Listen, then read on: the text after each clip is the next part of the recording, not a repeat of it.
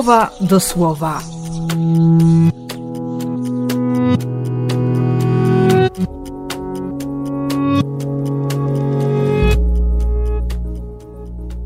Dziesiąty stycznia, wtorek.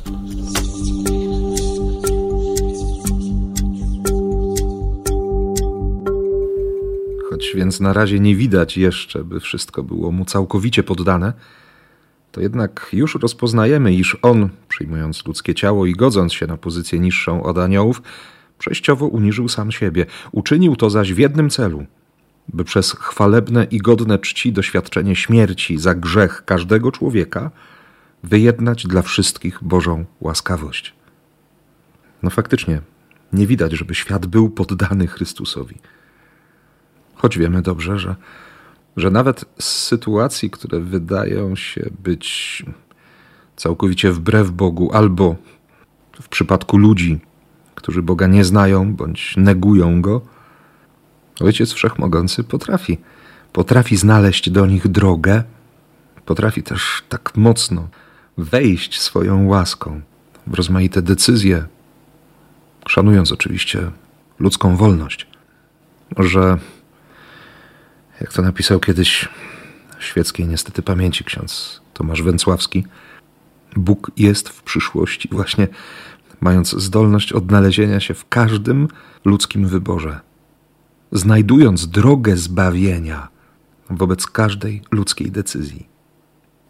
Ale autor listu do Hebrajczyków nie prowadzi takich teologicznych rozważań, tylko zaznaczy wyraźnie, że, że to uniżenie Jezusa miało na celu wyjednanie dla wszystkich Bożej łaskawości. I zadziało się to przez chwalebne i godne czci doświadczenie śmierci za grzech każdego człowieka, bo Bogu zależy. Bo On chce, żebyśmy mieli wszystko wspólne z Nim. Natomiast On nie ma nic wspólnego z grzechem. Zresztą oto dzisiaj Jezusa oskarża demon w synagodze. Co się tu wtrącasz? Przecież nie mamy ze sobą nic wspólnego. Ty przyszedłeś, by nas zgubić, cierpimy przez Ciebie. Wszystko do góry nogami. Dlatego Jezus mówi bardzo krótko, bardzo konkretnie. Stul pysk, nie? Nałóż sobie kaganiec. Tam musiały paść naprawdę mocne słowa.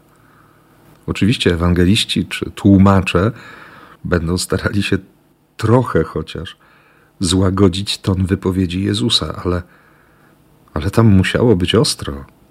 Tym bardziej, kiedy reakcją demona jest wstrząsnął ciałem owego człowieka, ryknął wielkim głosem, po czym go opuścił.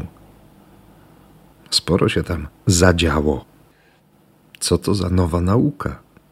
I to jeszcze wspierana wielkim autorytetem, dzięki któremu on wydaje rozkazy nawet nieczystym duchom.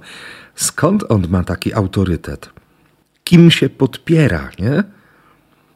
A Jezus tylko opiera się na swojej miłości do Ojca i na miłości Ojca do Niego. To wystarczy. Tak kochać. Życzę Ci takiej miłości, żebyśmy byli wolni, po prostu wolni, i żebyśmy mieli jak najwięcej wspólnego z Jezusem. I dlatego tym mocniej błogosławię w imię Ojca i Syna i Ducha Świętego. Amen.